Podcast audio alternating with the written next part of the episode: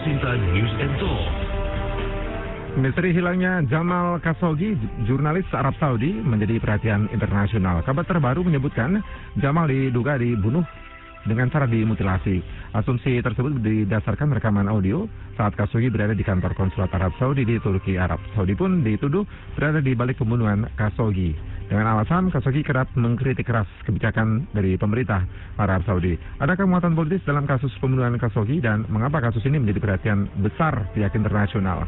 Kami segera akan membahasnya bersama dosen hubungan internasional dari Binus University pada kajian wilayah Timur Tengah dan Ketua Divisi Ekonomi Politik INSEF atau Indonesian Society for Middle East Studies, Tia Mariatul Kitia.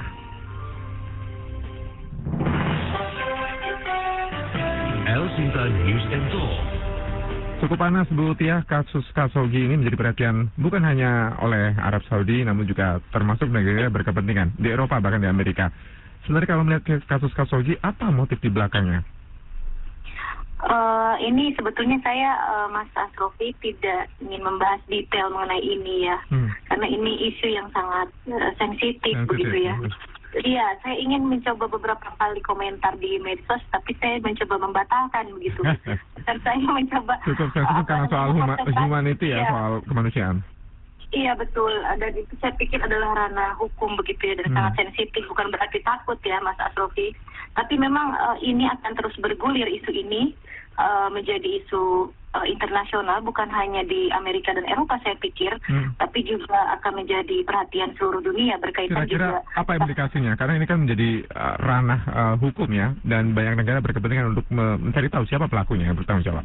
Iya betul sekali. Ini harus diungkapkan. Kalau tidak, ini akan terus menjadi uh, bola liar karena saya melihat ada beberapa unsur politik juga di sini dan kalau diurai ini Mas Asrofi sangat complicated ya berkaitan dengan uh, apa namanya politik luar negeri Saudi Arabia juga sedang tidak bagus dengan pihak Turki dan Qatar begitu.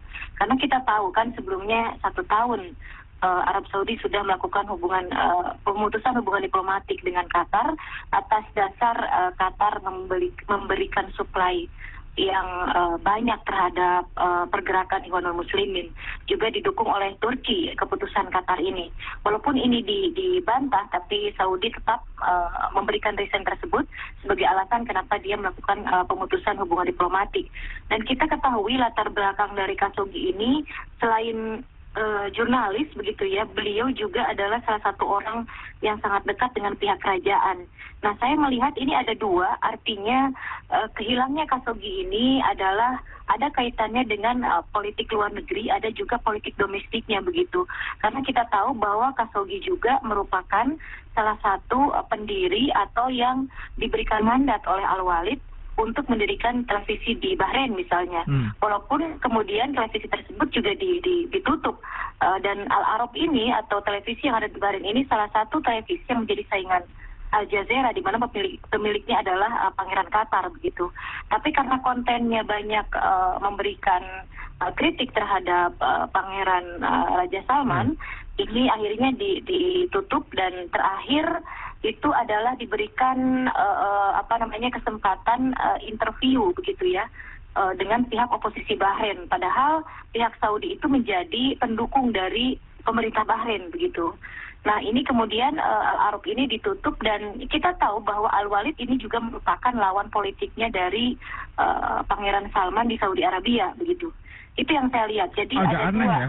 Jadi iya. dalam satu uh, framing dekat sekali dengan keluarga kerajaan, tapi framing lain adalah pengkritik keras kerajaan. Iya betul. Jadi saya melihatnya ada unsur ada unsur apa namanya politik domestiknya juga.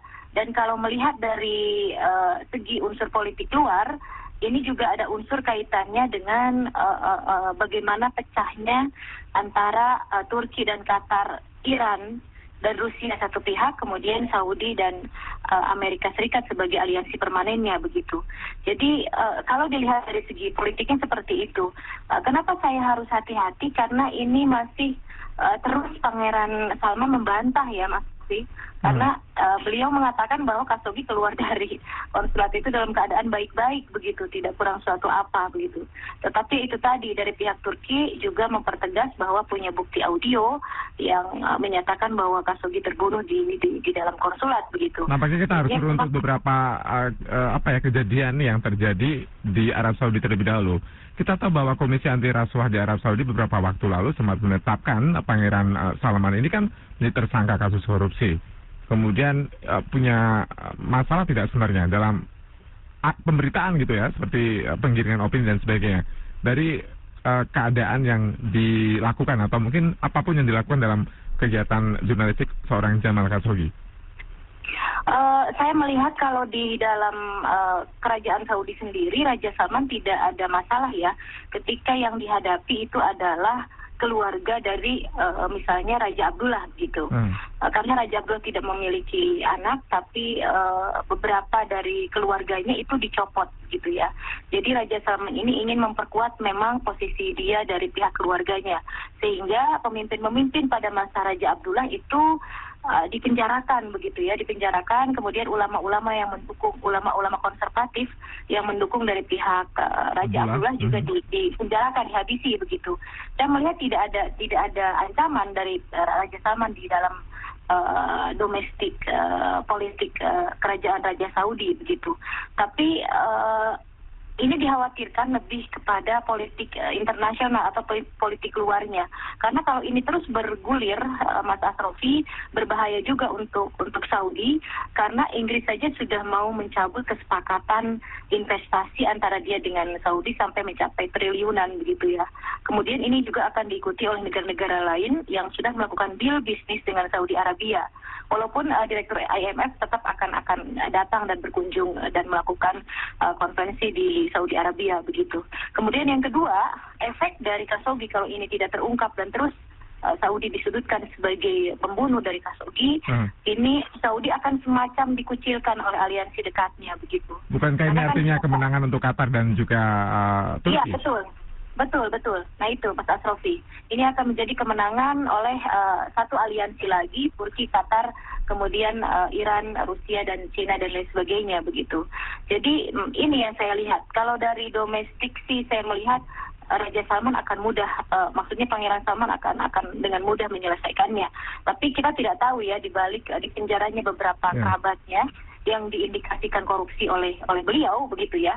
Tapi ini menjadi perlawanan dengan cara tersendiri begitu melalui Kasogi misalnya karena kita tahu bahwa eh, Khashoggi ini juga dekat dengan Al Walid begitu. Nah, yang yang secara politik luarnya ini dia eh, masalah eh, aliansi begitu ya Turki dan dan dan, dan aliansinya kemudian eh, Amerika Serikat dan juga Saudi begitu.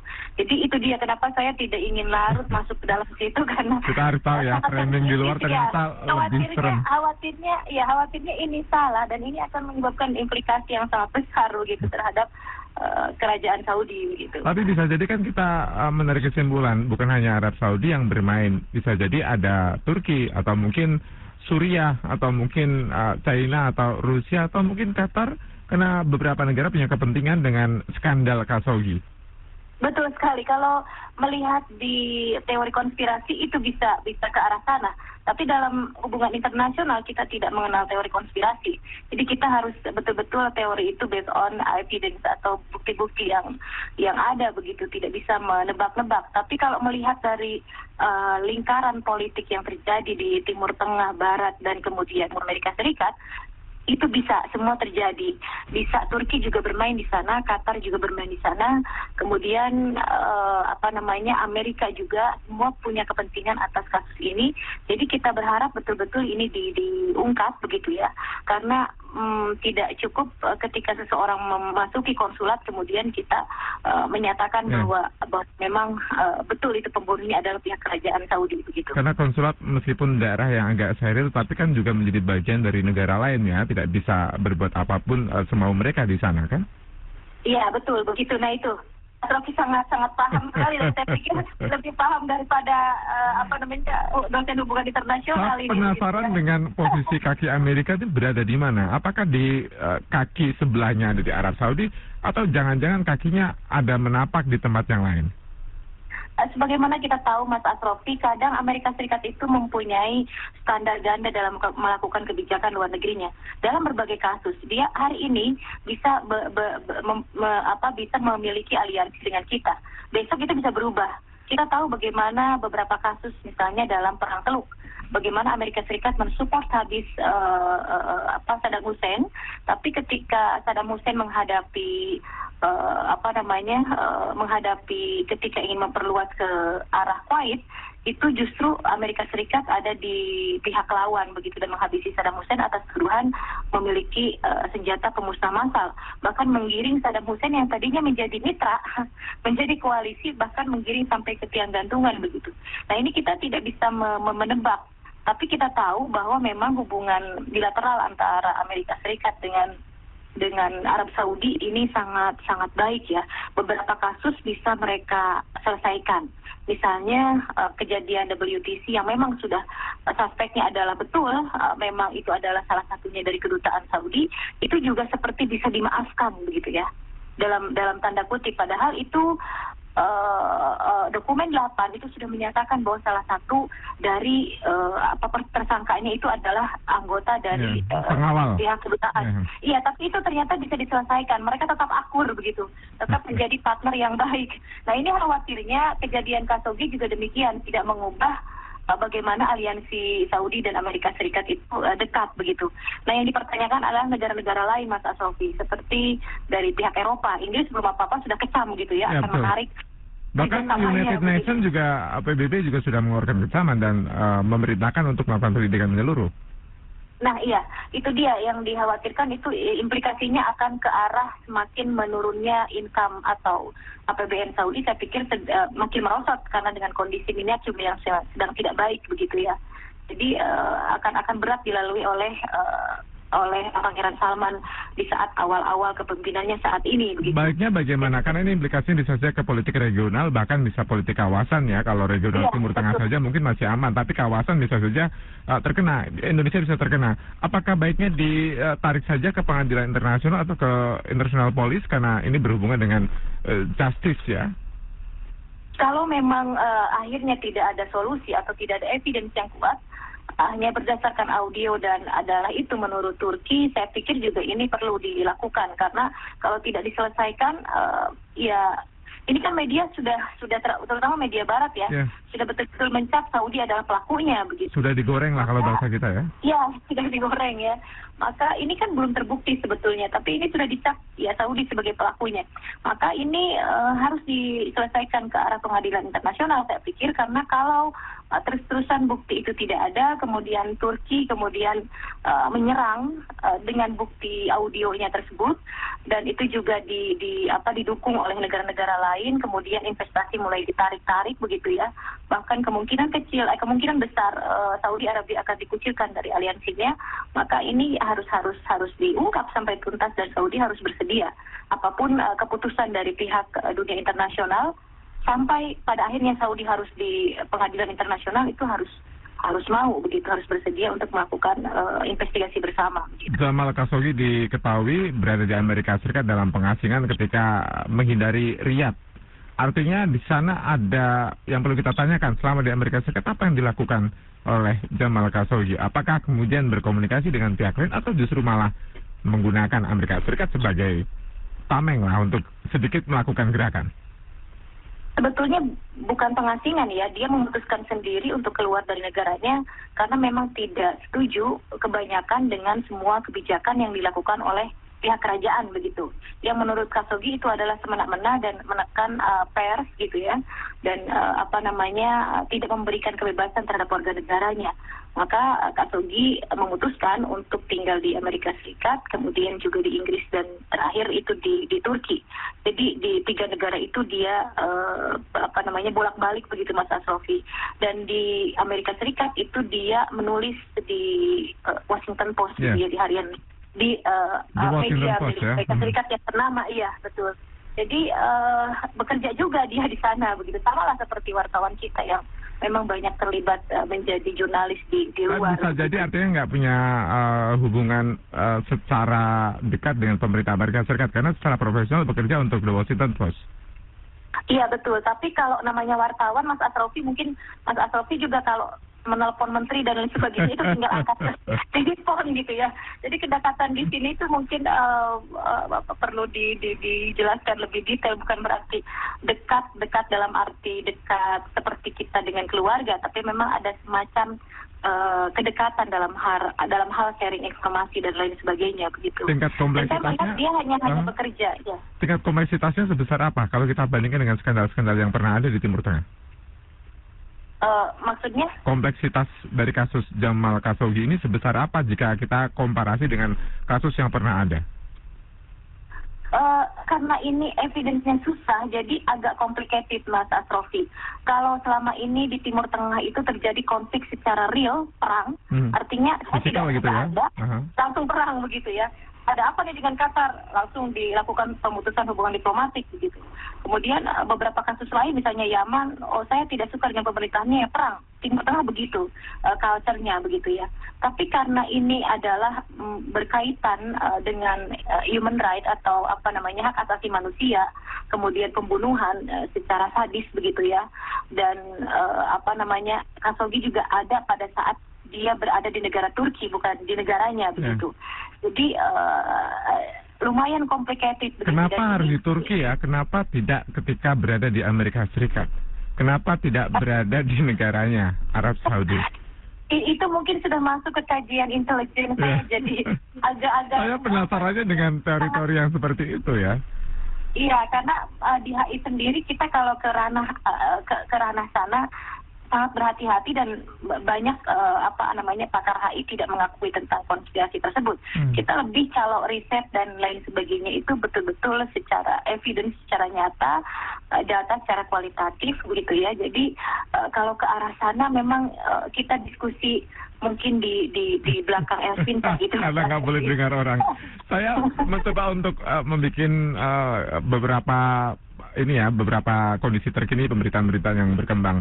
Kita tahu bahwa Amerika Serikat, PBB dan juga Inggris serta negara sekutunya mengutuk kejadian ini.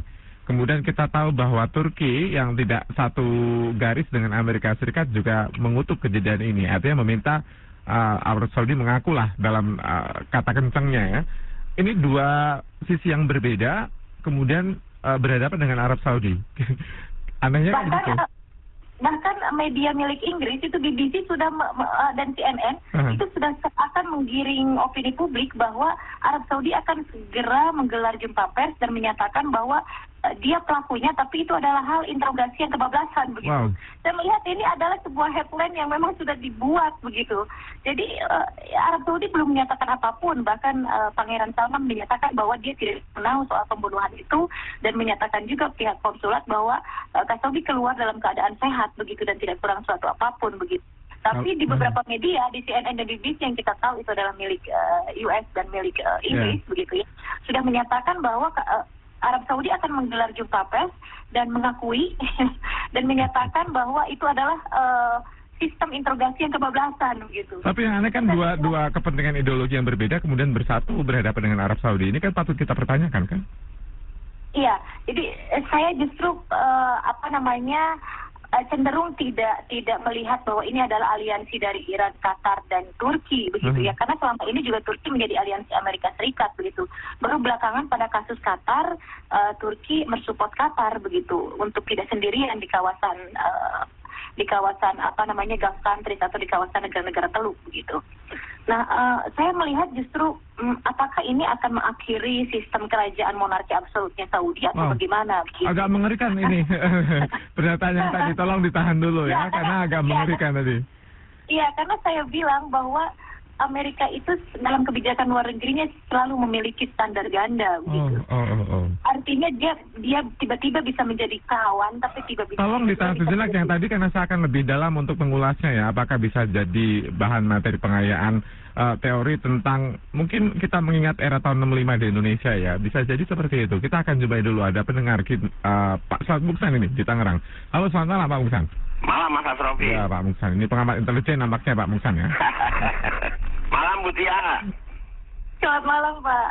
Iya, jadi begini, kalau saya melihatnya sebelum diinvestigasi ya, kita masih melihat dari apa sudut uh, pandang uh, dari luar gitu ya bahwa ini kelihatannya murni pembunuhan. Ya itu satu itu pertama karena Jamal Khashoggi sudah jengah tinggal di dalam negerinya. Dia pindah-pindah itu dalam dalam dalam pengintaian gitu ya. Ya. Ketika dia dijebak di satu ambasador ya di di Turki gitu ya itu terus kemudian nggak keluar hilang itu memang satu jebakan diduga. Ini kan ini pandangan dari luar. Nah kemudian kalau dikatakan konspirasi dari mana bisa jadi bisa tidak. Artinya Jamal Khashoggi itu korban atau dikorbankan. Itu prinsipnya seperti itu. Karena begini eh, saya apa saya melihatnya Jamal Khashoggi itu seorang apa ya jurnalis paling cerdas kelihatannya ya Ya. di di di seluruh Arab Saudi. Dia mungkin tahu kuncinya kerajaan, tahu semua seluk beluknya pangeran-pangeran itu. Bahkan sampai membeli MU aja dia bisa tahu dia. MU mau dibeli luar biasa sama Arab Saudi itu luar biasa. Tapi intinya bahwa Amerika, walaupun Arab Saudi kejepit ya ke pojok ke sana sini, Amerika nggak mungkin mah ini Arab dan dia tetap akan membela karena paling takut Amerika kehilangan Arab Saudi, paling paling sangat sangat takut. Dan ini kelihatannya memang apa ya apa semacam efek domino yang muter-muter ujungnya nggak selesai tapi intinya memang pembunuhan itu kemungkinan tidak terungkap. Tidak terungkap karena memang begitu rumitnya begitu ini sehingga sekelas mohon maaf tidak mengecilkan negara lain ya sekelas Qatar bangsa gitu-gitu sayangnya nggak kuat lah untuk me- meng- apa, melawan Arab Saudi yang sedemikian ya seperti itu kalau dikatakan kerajaan ini akan runtuh tidak semudah itu saya pikir itu aja terima kasih Baik, terima kasih Pak Selamat Muksan. Saya catatnya adalah Khashoggi seorang jurnalis brilian. Khashoggi punya pengaruh yang kuat ya di banyak kalangan. Tapi Khashoggi eh, dalam hal ini ditanyakan oleh Pak Selamat Muksan, apakah menjadi seorang korban atau dikorbankan? Eh, dari dua dua pilihan itu, Butia melihatnya yang mana? Paling relevan ya? itu tadi makanya saya bilang eh, harus berhati-hati. Ya betul bisa jadi korban atau mungkin yang dikorbankan begitu. Dan eh, itu tadi saya hanya memberikan dua pandangan bahwa ini bisa terjadi karena politik domestik Arab Saudi sendiri atau juga adalah ini karena eh, politik eh, luar negeri Hmm. begitu ya. Bisa jadi ini dari kubu memang oposisi Saudi selama ini atau Hmm. rivalnya Saudi. Bisa jadi juga itu Bukannya adalah sudah dimatikan Abdullah, dari- sel-sel Abdullah ini dari sudah dimatikan? sahabat dari sahabat yang tadi Hmm. bilang susah itu untuk uh, Amerika ketakutan dengan Saudi karena memang banyak kebutuhan atau apa namanya eh, dependensi terhadap Hmm. ketergantungan terhadap Saudi jadi susah untuk bagaimana meng- mengakhiri apa namanya uh, rezim dari monarki absolut tersebut begitu Kalau Bisa kalau dengan- kepentingannya adalah dari eh, oposisi kerajaan Arab Saudi, bukannya sel-sel Abdullah bukan sudah diselesaikan atau dimatikan oleh pihak kerajaan? Iya, dimatikan dalam arti dimasukkan ke penjara. Saya khawatirnya ini ada perlawanan dengan cara lain. Karena mereka juga terbentuk eh, bukan satu dua hari menjadi politisi di Saudi begitu ya. Seperti Al-Walid dan juga ke- keluarga kerajaan lain dari pihak Raja Abdullah begitu. Jadi saya saya takutnya, khawatirnya ini adalah bentuk perlawanan lain terhadap eh, putra mahkota begitu ya. Eh, karena mm, kita ketahui bahwa Khashoggi juga dekat dengan pihak eh, kerajaan dari eh, keturunannya eh, Raja Abdullah begitu. Dan kalau dari pihak luarnya itu tadi, jadi eh, kita hanya bisa men- menebak dari pihak luar.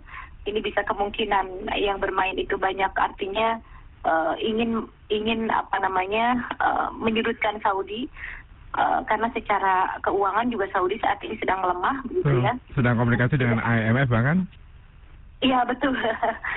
Saya nggak tahu mungkin minta bantuan atau bagaimana seperti kita gitu. Atau mungkin memang- konsultasi iya. minimal ya? Iya, karena memang posisinya uh, Mas Asrofi uh, keuangan Saudi itu sejak uh, turunnya harga minyak anjlok begitu ya, sedang uh, tidak baik bahkan uh, kerajaan Saudi itu akan melakukan diversifikasi di bidang ekonomi sampai dia akan uh, melakukan seperti uh, beberapa investasi seperti yang dilakukan oleh Indonesia, menarik investor luar ke dalam untuk membangun perekonomian di dalam negeri gitu. Yang itu uh, jarang sekali di, dilakukan oleh Saudi Arabia, bukan jarang, tidak pernah mungkin Ya, karena terlalu independen itu, terlalu kaya itu ya. Karena oil ya karena karena uh, uh, sumber daya alam yang melimpah begitu jadi uh, kondisi ini uh, bisa berbagai A B atau C begitu pilihannya bisa karena faktor di dalam bisa karena dari luar bisa karena memang uh, Amerika ingin mengubah sistem tapi dengan cara bagaimana Nah, sulit kan. Ini yang ini nih, yang, yang ini tepat sekali. Jadi kalau kita lihat ya bahwa isu-isu dengan uh, penguliran uh, kebebasan pers, kemudian demokrasi, kemudian Itu kan liberalisme, mana, Mas kita tahu kan isu-isu itu berangkat dari mana kan, Bu ya? Iya, iya, karena kita tahu bagaimana Tunisia juga di- dipaksa harus mengubah dirinya menjadi demokrasi. Kita juga Indonesia misalnya dan beberapa negara lain, tapi eh, di Israel sudah ya. Kemudian eh, Iran walaupun semi demokrasi juga sudah melakukan election begitu. Jadi eh, mm, Saudi ini eh, yang tetap melakukan monarki absolut dan beberapa negara lain di kawasan Timur Tengah agak sulit masuknya Mas Asofi eh, sistem demokrasi yang dibangun Amerika untuk masuk ke kawasan Timur Tengah gitu.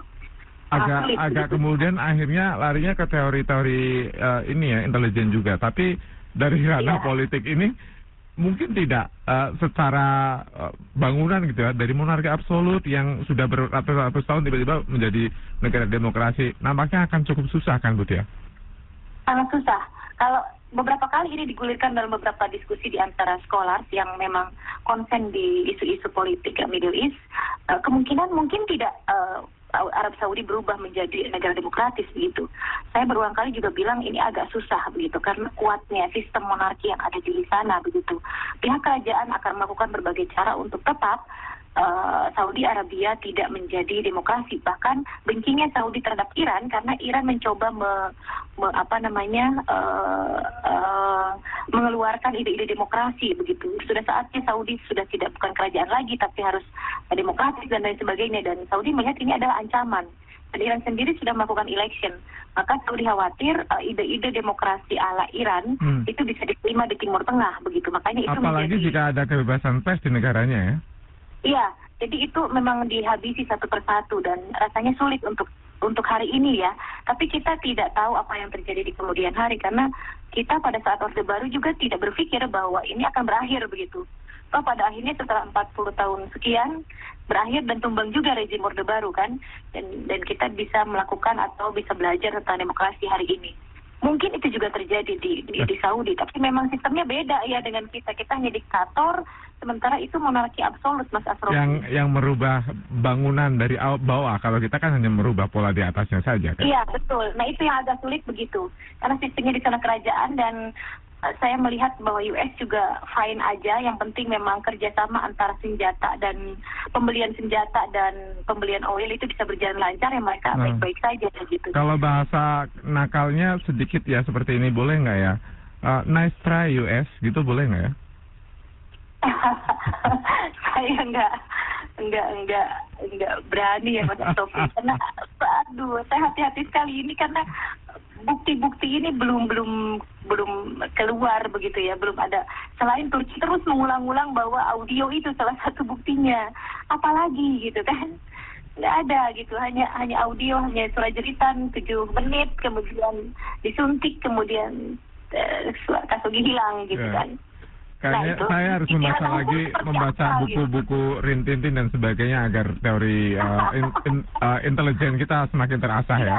Ya kayaknya Tintin bisa mengungkap itu dengan dengan cepat begitu ya. Mudah-mudahan. Terima kasih Bu Ya, atas waktunya ya. ya. Kita tunggu nanti seperti apa kabar terkini dari Turki dan juga Arab Saudi. Terima kasih waktunya. Selamat malam. Iya, selamat malam. Narasumber kami dosen hubungan internasional dari Binus Binus University pada kajian wilayah Timur Tengah dan juga Ketua Divisi Ekonomi Politik dari ISMED atau The Indonesian Society of for Middle East Studies, Tia Maria Tulkidia. El News and Talk.